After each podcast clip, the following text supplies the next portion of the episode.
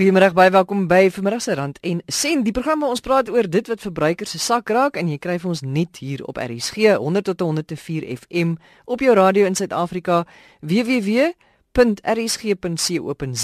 op die internet wêreldwyd en ook die DStv kanaal 813.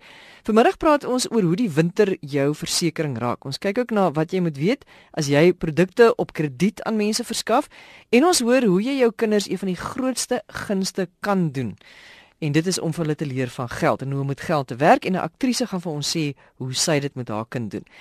Marika van die Kerk is van MEA Versekering en sy sê in die winter is daar 'n paar ekstra dinge wat 'n mens in gedagte moet hou as dit by jou versekerings kom. Anders kan dit jou duur te staan kom. Nou Marika, wat maak hierdie tyd van die jaar anders vir julle mense in die versekeringsbedryf en ons wat dan nou van julle moet eis as iets verkeerd loop?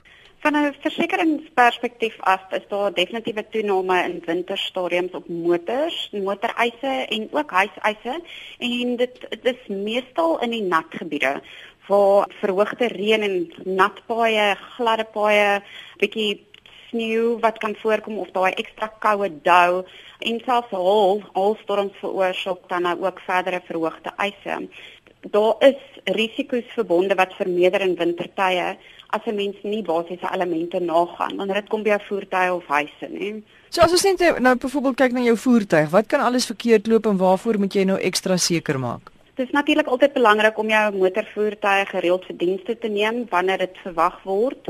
Die rede daarvoor is jou bande loop af en as jou bandvlak verlaag, is die water word nie voldoende versprei wanneer jy bestuur nie, jou remafstande verleng. Daar's groter risiko's wanneer byvoorbeeld jou ruitveers nie voldoende nagegaan word en vervang word wanneer dit nodig is nie. Selfs batterye wat nie nagegaan word nie en wat vir jou probleme veroorsaak, veroorsaak dat jy langs die pad staan sonder hulp. Ehm um, selfs motorligte wat nie gereeld vervang word nie. Dit is donkerder. Later in die oggende word dit eers lig. Vroeër in die aande raak dit donker. Is nodig dat jou ligte nagegaan moet word. Jou verkoelingsmiddels, jou koelmiddels, jou water, jou olievlakke moet gereeld nagegaan word. En dan ook jou remme moet getoets word om te verseker dat jy die risiko's kan verminder wanneer dit kom by verhoogde reënval of nat paaie. Die wêreld is onderste bo, so daar's baie vloede. As ek nou dink onlangs in Kaapstad waar ons uh, situasies gehad het wat die see letterlik oor die pad geloop het en oor mense se motors gespoel het. Hoe moet jy seker maak dat jy gedek is as so iets met jou gebeur? Ek dink jy moet eerstens bewus wees van die uitsluitings op die polisie. Jy moet seker maak dat jy voldoende dekking het. Of jy direk versekerings uitneem of deur 'n makelaar, maak seker dat jy weet wat die uitsluitings op die polis is en dat jy voldoende versekerings het vir spesifieke gevalle. Veral wanneer dit kom by huise, motorversekering is is gewoonlik bietjie makliker om seker te wees dat jou voertuig gedek is. Met huisversekering is daar vreeslik baie verskillende produkte op die mark. So jy moet maar die vrae vra en seker wees dat jy weet op watter stadium 'n uh, eis gaan uitgesluit wees. Nou goed, as ons nou kyk na ons huise, wat wat loop in die winter by huise skeef waar waarna mense moet oplet in terme van hulle versekerings? In die wintermaande is mense geneig om um, verhoogde gebruik van verwarmers, jou kaggels, jou elektriese toebehore, al daardie tipe van verhittingsmiddels neem toe wat dan ook soms beteken dat jy kragpunte oorlaai. Um, jy moet seker wees dat jy nie jou kragpunte oorlaai nie en indien jy meer kragpunte benodig dat dit geïnstalleer word of goedgekeur word deur 'n geregistreerde elektriesien.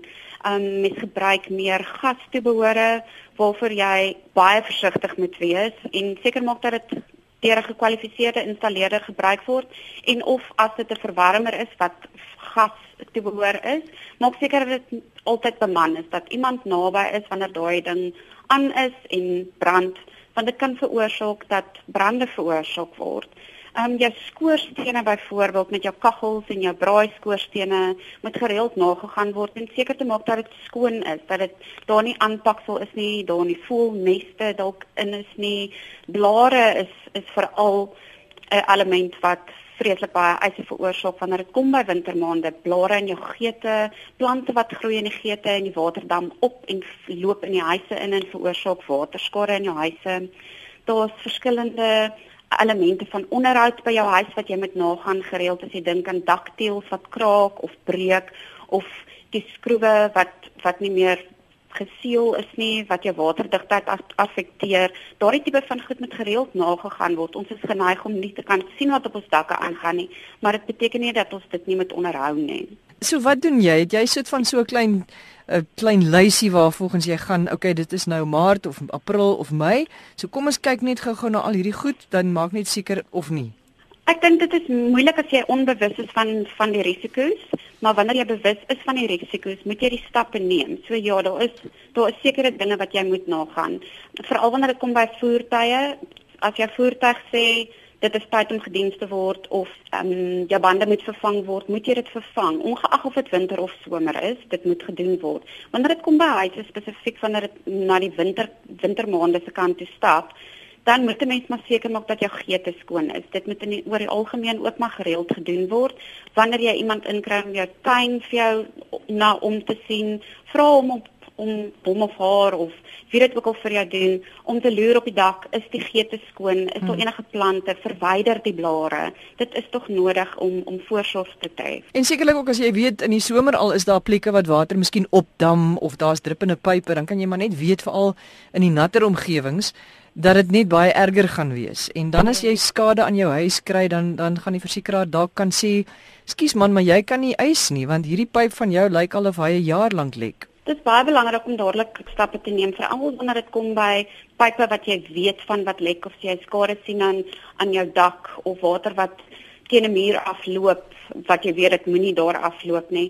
Wees seker dat jy dadelik aksie neem. Kry iemand uit om te kom kyk wat die oorsaak daarvan is en dis dis reg wat jy sê as jy dit gaan los en wag vir die wintermaand om te kyk of dit erger raak of dalk 'n maand of 3 wag om te kyk of dit verbeter nie kan daardie eis moontlik afgekeur word want dit gebeur oor 'n lang tydperk en dit is gewoonlik 'n uitsluiting op jou polis. Amerika enige iets anders wat ons moet weet oor ons versekerings in die wintermaande? Mens moet maar net bewus wees van die die verhoogde risiko in wintermaande en wees proaktief. Tree altyd op asof jy nie versekerings het nie. Moenie nalat om jou onderhoud van jou huis te laat agterbly nie. Maak seker dat jy weet dat jou dekking in plek is en wat die uitsluiting vir daai dekking is. Baie dankie Marika van die kerk sy's 'n regsadviseur van MEA versekerings. Na aanleiding van 'n luisteraarsbrief het ons nou so 'n paar Sondae gepraat oor wat 'n mens kan doen of moet doen as jy jou eie onderneming wil begin. Ons het kyk na die belastingaspekte, finansiële aspekte, die regsaspekte daarvan. Nou Arina Trieter is 'n prokureur by Skuman Law ingelyf en sy sê wat 'n mens nie moet vergeet nie, is as jy 'n bedryf of 'n onderneming het, hoe groot of klein ook al, en jy lewer produkte of dienste aan mense op krediet of op skuld, is dit uiters belangrik dat jy 'n paar dinge moet weet. Sodra jy enigstens dienste of produkte aan kliënte op krediet verskaf, is dit bitter belangrik dat jy registreer as 'n kredietverskaffer by die nasionale kredietreguleerder. Die kredietwet sit uiteen die terme en die voorwaardes van wat jy mag en nie mag doen as jy krediet aan iemand verskaf. En as jy nie geregistreer is as 'n kredietverskaffer nie en jy vra rente of sulke tipe goed, dan kan die kliënt terugkom en sê maar jy was nie geregistreer toe jy hierdie krediet verskaf het nie, so ek hoef jou nie te betaal nie of ek hoef nie jou rente te betaal nie. En watse soort ondernemings praat ons nou hiervan? Dit sal nou wees enigiets waar jy byvoorbeeld as ek hemde verkoop. Ek is 'n is 'n verkoper en ek verkoop hemde en ek sê vir die kliënt, "Oké, okay, jy kan maar solank jy hemde vat en jy kan my oor 60 dae betaal." En as jy my nie in 60 dae betaal nie, dan gaan ek rente daarop hê. So dan verskaf jy krediet en jy val onder die kredietwet. So jy moet geregistreer wees as 'n kredietverskaffer. So met ander woorde al het ek dan nou daai klein staalonderneming in my agterplaas en ek maak dit vir jou en ek gee dit vir jou en jy betaal my af, dan is dan is dan is ja. dit dieselfde beginsel wat geld. Dan is dit dieselfde beginsel wat geld. En nie baie mense weet dit nie. En dit kom al hoe meer uit waar kliënte besluit nee, ek gaan jou nou nie betaal nie want jy is nie geregistreer nie. En wat gebeur dan nou in so 'n geval? Dan dan gaan jy daai geld verloor want selfs al gaan jy hof toe, gaan die hof ook vir jou sê maar jy moes geregistreer gewees het as 'n kredietverskaffer die oomblik toe jy daai krediet voorgeskiet het. Al het jy miskien dit op papier, jy en die kliënt dat julle dit op daai manier gaan doen.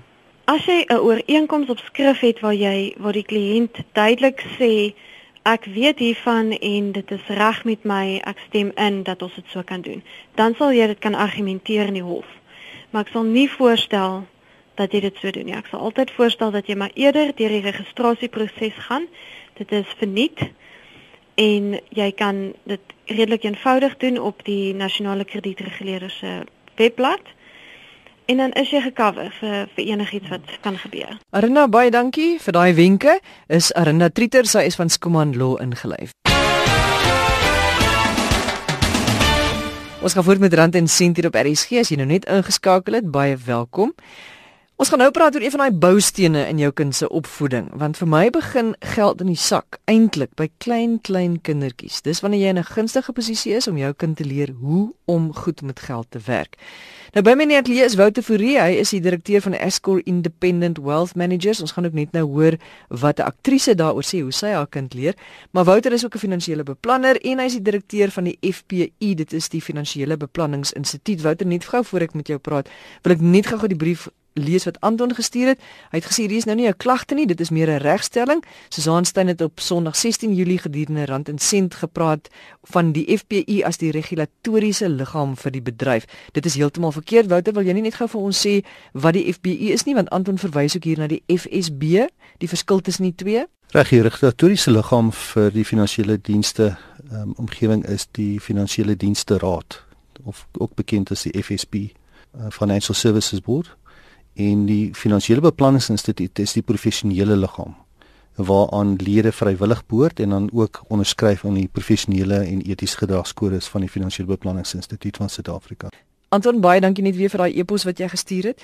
Wat nou goed, kom ons kyk na ons kinders en hoe ons hulle leer van spaar en van geld. Jy sê jy het 'n uh, paar goeie idees daaroor. Ja, ek um, dink ek kan er uit ervaring uit praat. Ek het twee kinders. My dogter is nou 18 en my seun is 20, so ek het ook al hierdie fases gegaan as as 'n finansiële beplanner. Hoe leer mense jou eie kinders? Want dit is belangrik dat hulle ook die die basis daarvan besef. En wat ons gedoen het van jongs af het ons besef dat dit belangrik is om vir ons kinders verantwoordelikheid te gee en dat 'n mens vir hulle perke stel in terme van geld. Ehm um, want dit is baie maklik as 'n ouer, jy wil jou dierbaarste besitting is jou kinders en jy wil so graag vir hulle elke dingie koop en elke ro roomhuisie en elke kledingstuk. Maar dit is belangrik dat hulle van jongs af 'n sakgeldjie verdien. So ons het van jongs af met altyd van ons kinders en selfs op 'n baie jong ouderdom graad 1, graad 2 al begin met 'n baie klein sakgeldjie en vir hulle ook die beginsel geleer van jy het ehm um, 3 bussies wat jy gewoonlik het. En die eerste bussie sit jy jou geldjies in wat jy kan spandeer vir lekker goedkoop ensovoorts. Die tweede bussie is jou jou gee bussie. Dis so dis wat as jy gee aan die kerk of as jy gee aan welsyn of aan die um, as jy hou daarvan om diere te ondersteun en dan jou derde is jou spaarbeginsel. En dan die spaarbussie is vir jou langer termyn. Dis byvoorbeeld vir jou vakansies om ekstra sakgeldjies hê te vakansies. Nou, weer eens as 'n mens jonk begin met kinders, is dit belangrik om die konsep op hulle vlak met hulle te kan verduidelik. En dan soos dit hulle ouer word, werk 'n mens verder met daai beginsel. So ons het dan ook die kinders se sakgeld verhoog soos dit hulle ouer geword het. En dan op 'n stadium seker hier so in graad 7 se kant, dan kan 'n mens vir hulle 'n groter sakgeld gee en hulle verantwoordelik maak vir die aankoop van hulle eie klere, hulle eie sporttoerusting en dan ook hulle eie kosmetiese goedjies. So jy gee vir 'n ordentlike begroting en leer hulle om dit te doen en bly binnekant in daai begroting. En dit gee hulle die dissipline om te weet dat hulle altyd 'n beperkte inkomste het en dat hulle binnekant daai inkomste moet moet werk. En dan is dit baie makliker om die beginsel van begrotings ook in te bring. Wat doen jy as die kind sê, "Maar ek wil nou graag daai ding hê" en so 'n bietjie eh, ongelukkig voel en en, en ontevrede voel en voel maar dis onregverdig omdat hy of sy nie dit kan kry nie. Ja, en dis nie net kinders wat so reageer nie, groot mense reageer ook so want ek raak ook ongemaklik as ek nie daai kar kan kry of daai huis kan kry nie. So daai beginsel is baie belangrik om dan saam met hulle te kan sit en kan verduidelik, maar dit is jou beperk hoeveel geldjies wat jy het. Jy kan nie meer kry as jy nie genoeg geld het nie en dis hoekom die beginsel belangrik is om 'n derde busie te hê. Om dan vir hulle te verduidelik hierso 'n gedeeltjie wat jy moet spaar as jy spesifiek daai ding wil hê. En die realiteit is as kinders self daai konsep begin begryp, dan kyk hulle ook baie beter na die bates en die speelgoedjies en die goed wat hulle aankoop. So ou leers me van jongs af hulle verantwoordelikheid om binnekant perke van hulle verdieningsvermoë te werk. Behalwe dit, hoe leer jy jou kind wanneer is dit nou 'n goeie tyd om te begin werk vir dit wat jy wil hê? Dat jy nie net afhanklik is van ma en pa se sak geld nie, maar weet jy wat, as jy daai werkie doen, kan jy iets ekstra kry en dan kan jy daai mooi tekkies koop of daai mooi broek wat jy wil hê. Ja, ook belangrik. Ek het dit nou nie in die begin genoem nie, maar saam met die sakgeld is daar ook verantwoordelikhede wat saamgaan. So ons is sommer van jongs af vir die kinders, elkeen het 'n verantwoordelikheid gehad. So jy kry nie sakgeld net sommer verniet nie. Daar's sekere goedjies wat jy moet doen. Elkeen van ons het in ons huishouding het ons verantwoordelikhede. En as hulle daai verantwoordelikhede nakom, dan kwalifiseer hulle vir hulle sakgeld. En natuurlik kan leer mense vir hulle ekstra goedjies, soos om die kar te was om ekstra geld te verdien. En ook my kinders het um, van vroegs af begin leer dat as hulle vriende en familie op vakansie gaan en die honde moet opgepas word en die diere ensovoorts, dit genereer vir hulle ekstra sakgeldjies. So as die ander kinders terugkom van vakansie af, dan my kinders gewoonlik sakgeld en almal anders is platsak. So dit leer vir mense daai beginsel ook. En ook die belangrike beginsel wat ek na verwys het is sodra hulle ouer word, vind 'n mens in jou eie begroting want jy sukkel om binnekant jou eie begroting te te bly want jou kinders begin nader aan jou begroting beïnvloed. So as jy vir hulle 'n vaste sakgeldjie gee, dan het hulle hulle begroting en jy het jou begroting. Nou wat gewoonlik gebeur is die kinders wil graag na 'n partytjie toe gaan en dan die maatjies toe en elke keer is daar 'n partytjie is daar R100 vir nog 'n geskenkie en nog 'n geskenkie ensovoorts. En wat hulle gou geleer het is dat hulle ook kieskeurig moet wees oor waarheen hulle hulle geld spandeer. En in, in steede daarvan om geld te, te gee vir geskenkies, het hulle self begin goedjies maak. En ons weet almal dat iets wat iemand vir jou maak, het 'n baie meer persoonlike impak op jou en dis baie beter as om 'n geldjie vir iemand te gee. So dit gee hulle ook die verantwoordelikheid om te besef dat hulle moet begin beperk waar hulle geld heen skuif. Baie ouers sê Ag, die lewe is so swaar en my kind gaan eendag so met swaar kry, so ek gaan hulle maar 'n bietjie bederf terwyl hulle nog jonk is. Hulle hoef nie nou ek koop maar vir hulle goedjies waarvan hulle hou. Die probleem is met daai ouers is hulle gaan agterkom met hulle eie begroting nie klop nie. Want waar sit jy die perke daarop? Jy weet elke dag as jy 'n mooi karretjie sien of 'n mooi hempie of 'n mooi broekie of 'n mooi tekkie so wat ook al gaan jy wil koop. En ongelukkig nie almal van ons het het onbeperkte toegang tot finansies nie. So jy gaan self jouself in 'n posisie sit dat jy uit geld uit gaan raak. En dan moet 'n ou natuurlik besef die die langtermyn impak daarvan op jou eie aftreebeplanning. Nou dit klink nou en aardig dat mense begin praat oor klein kindertjies en aftreebeplanning, maar jou kinders is by jou tot op 'n sekere stadium. En dan moet jy seker maak dat jy genoeg weggesit het vir jou aftrede eendag. So hoe meer jy spandeer op jou kinders, hoe minder is daar vir jou eie aftrede. Nou ek sê nie jy moet jou kinders terughou en nie vir hulle die die gunsies in die in die lewe gee maar ons het verantwoordelikhede en dis nie net 'n verantwoordelikheid wat ou ligtelik opvat nie dis ook 'n woordbeginsel. Dit ou het, het 'n rentmeesterskap ten opsigte van dit wat aan jou toevertrou word. Susan ek dink om dit in perspektief te sit wil ek jou graag 'n storie vertel wat met my persoonlik gebeur het. So toe ons nog in die ou taal van skool toe ons in stad 6 was, het 'n vriend van my se pa hulle bymekaar geroep eendag en dit was twee seuns gewees en toe het hy vir hulle gesê kom sit hier by my en hy wil vir hulle die beginsel van begroting en geld verduidelik. En wat hy toe gaan doen het is hy het sy hele salaris gaan trek in kontant. En toe het hy net daar sommer die, die twee seuns gesit en die tas oopgemaak met hierdie lot geld in die in die tas. Hy het hulle gesê kyk dis wat ek verdien per maand. Natuurlik en jy dink die kinders se eerste reaksie was gewees, "Wow, dis 'n lot geld, pappa." En ehm um, toe sê hy, "Maar kom ek wys vir jou hoe werk dit?" En toe sê hy reg, "Om julle skoolgeld te betaal, het ek hierdie hoeveelheid nodig." En hy het dit fisies uit die tasie uitgehaal en dit eenkant gesit. En dan het hy gesê om die huisverband te betaal, het ek soveel nodig en dit eenkant gesit. En soos dit uit uitgepak het, het die tas, tasie natuurlik al hoe minder en minder en minder geraak. En hoe vinnig die kinders daai impak besef het dat 'n ou verdien 'n groot salaris, maar jy het verantwoordelikhede en elke een van daai verantwoordelikhede moet uit daai salaris uitgedek word elke maand. En dan op die ou en dan sit jy met 'n klein hoeveelheid geldjies wat jy dan sê want dit is dan oor vir die genot wat ons wat ons het in die huis. En hoe vinnig daai seuns dit besef het en ek kan dit vandag nog kan ek die storie vir jou vertel en die impak wat dit op hulle lewens gehad het en selfs op my eie lewe ook. En ek dink dit is belangrik want want ek dink ons leer ons kinders hoe jy het nie soveel geld en jy mag nie soveel uitgee, maar ek dink dit is ook belangrik om hulle te leer jy het nou net soveel, maar weet jy as jy iets ekstra doen, dan gaan jy dalk meer hê om om om 'n kind te leer hoorie, maar ek kan meer kry. Ek daar is daar buite is daar 'n oorvloed waarin ek kan deelneem. Dit hang net af wat ek bereid is om te doen. Ek dink seker een van die waardevolste talente wat jy by jou kinders kan ontgin, is die talent van entrepreneurskap. Om hulle van vroeg af te leer dat hulle die vermoë het om ekstra inkomste te kan verdien. En ek dink is ook een van die grootste kortkominge in ons land is dat daar's nie genoeg entrepreneurs wat opstaan en besef dat daar maniere is om alternatiewe inkomste te verdien. Dat jy ou nie net altyd of afhanklik is van 'n werkgewer nie, maar dat binne in jou het jy ook die vermoë om entrepreneur te wees. En ook as ons gaan kyk na die besigheidsmense en die mense wat suksesvol was, besigheidsmense en vrouens in ons land, is mense wat entrepreneurs was. Dat nie noodwendig alles gehad het as kinders nie, maar van jongs af hierdie beginsel besef het dat hulle vermoë het om inkomste te kan verdien en vandag is hulle baie groot en uh, suksesvolle besigheidsmense. Hoe belangrik is dit om met jou kinders te praat oor finansiële probleme? Ouers wil hulle kinders graag beskerm. Ons weet ook dat jy hoef nie alles met jou kinders te deel nie, maar hoe doen jy dit en hoe belangrik is dit dat as jy skielik jou werk verloor of jy begin nou strop trek dat jy wanneer en hoe deel jy dit met jou kinders? Wel ek dink 'n mens moet in alle opsigte eerlik wees met jou kinders. Ehm um, en ek dink 'n mens besef nie altyd hoe hoe gemaklik kinders is as hulle weet wat die situasie is nie. As mense dit in die lig uitbring is daar niks om oor skaam te wees of om bekommerd te wees nie. Ek ek dink as 'n span moet ou altyd saamwerk as daar al moeilike tye is en moeilik dit moeilik op 'n mens is. En natuurlik ook vir jou as ouer dink ek vat dit baie verligting in terme van die feit dat jou kinders weet wat die impak is. So hulle gaan nie onnodige vrae vir jou vra vir ekstra skoene of ekstra speelgoed ensovoorts nie. So dit maak net die speelveld meer gelyk. Wouter baie dankie dat jy spesiaal ingekom het om met ons te kom praat vanmiddag. Dis Wouter Fourie, hy is die direkteur van Escor Independent Wealth Managers en hy is ook 'n finansiële beplanner en die direkteur van die FPI, dit is die Finansiële Beplanningsinstituut. Nou iemand wat self 'n sakevrou is en haar kind reeds van vroeg af geleer het hoe om met geld te werk, is Margit Meyer Rodenbeck. Kom ons hoor wat sy 'n tyd gelede hier op Rand en Sien daaroor gesê het. Ek moet eers sê elke ouer moet doen wat vir hom goed is. Maar ek dink mense kan nooit te vroeg begin met die begrip van geld nie. Dat goeders geld kos. Want elke een wat al 'n 4 jaar gehad het, weet as jy instap, hulle wil alles hê. Alles. En toe sy so klein was, altyd gesê maak net 'n lysie. Maak 'n lysie vir Kersfees of verjaarsdag, maak 'n lysie of waar is jou beursie? Bring jou beursie slag saam.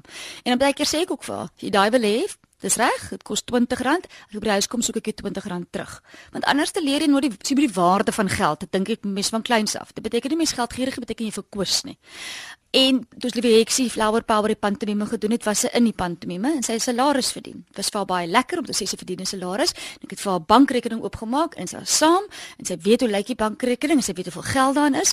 En toe kon ek die einde van die jaar vir haar wys sien omdat ons daai geld net gelos het, was daar rente Dis ekstra geld. As mens nie jou geld mee mors en uit en insit nie, dan kry jy ekstra geldjies vir niks doen nie, net omdat jy dit daar los. So ek praat baie met haar oor die begrip daarvan en dan het ons ook werkies in die huis. So as jy 5 keer die plant jou plant water gegee het, dan kry jy R10. As jy 5 keer die kat kos gegee het, kry jy R10. As jy met jou voete op my stoel sit, dan gaan ek R10 terugvat want ek het nou al genoeg gepraat. En soos bijvoorbeeld baie keer as ons ook toer eh, of by die KAKNK het ons die boer gehad het, dan hou ek al besig. Dan sê ek ook ek kry R50 want jy almal groet. Dan leer ek sommer ook 'n lesie almal in die oë kyk en groet want hulle op 6 7 jarige ouderdom harte hulle so nie verby hallo. Sê ek nie jy moet mense vra of hulle gelukkig is. En dit was 'n goeie oefening vir my in in haar persoonlikheidsontwikkeling, maar ook dan gee ek vir haar geld en dan gee ek vir haar die kontant en dan mag sy dit gebruik. Want sy mag nie haar spaargeld gebruik nie. En dan in die eerste 2 dae koop sy. En met dag 3 sê sy nee, ek het nog genoeg gekoop. En dan besef sy die geld gaan uit. Dit bly nie in die beursie nie. So ek dink ek dink ja, elke ou doen wat hy moet doen, maar vir my is ek dink jy moet leer om met geld te werk. Ek dink is vir haar lekker. Sy's 'n groot mens, sy mag haar eie beursie oopmaak, oop zirts en dan sê ek vir ook hoeveel gaan die klein geld nou wees wat jy kry? Mens moet ophou dink kinders moet op 'n sekere ouderdom eers leer van somme of geld of hoekom hulle besluit ons is iemand groot genoeg om met geld te werk. En natuurlik bederf ek haar nog steeds. Natuurlik koop ek vir koop koop hopeloos soveel goeders vir haar. Maar ek probeer dit vir haar leer ook dat alles wat jy as jy die koeldrank gekoop het, jy drink dit nie. Is eintlik R15 wat ek nou in die water gegooi het. Ek verstaan as jy versadig is, maar baie keer wil hulle net alles hê en dan begin hulle geld mors. En dan mens sê, dis geldmors, want dit is geldmors. Maar gee sy leer ook vir Luka dat wanneer sy een ding koop wat miskien nie heeltemal so belangrik is nie, sy nie geld gaan hê om iets anders te koop wat sy dalk ook graag sou wil hê nie. Dit is 'n boon Gauteng op was, wil weer software en sy duisende van hulle, maar sy is baie lief vir hulle, maar sy wil nog nie. Sê ek is reg omdat jy nou al so so baie het gaan jy nou self hiervoor betaal. Sy kon onthou dis nou R110 en hiermee sou ons X Y en Z kon doen. Ja, en dan verstaan sy, dan maak sy die keuse wat sy wil hê. Ja, dis hier raad van die aktrise en self ook sakevrou Margit Meyer Rodenbeck. Dankie vir die saamluister vanmiddag en uh, stuur gerus vir my e-pos as jy 'n bydrae wil lewer of uh, wenke het, Susan by rsg.co.za. S U Z A A N by rsg.co.za. Ek hoop dit is 'n mooi week vir jou. Totsiens.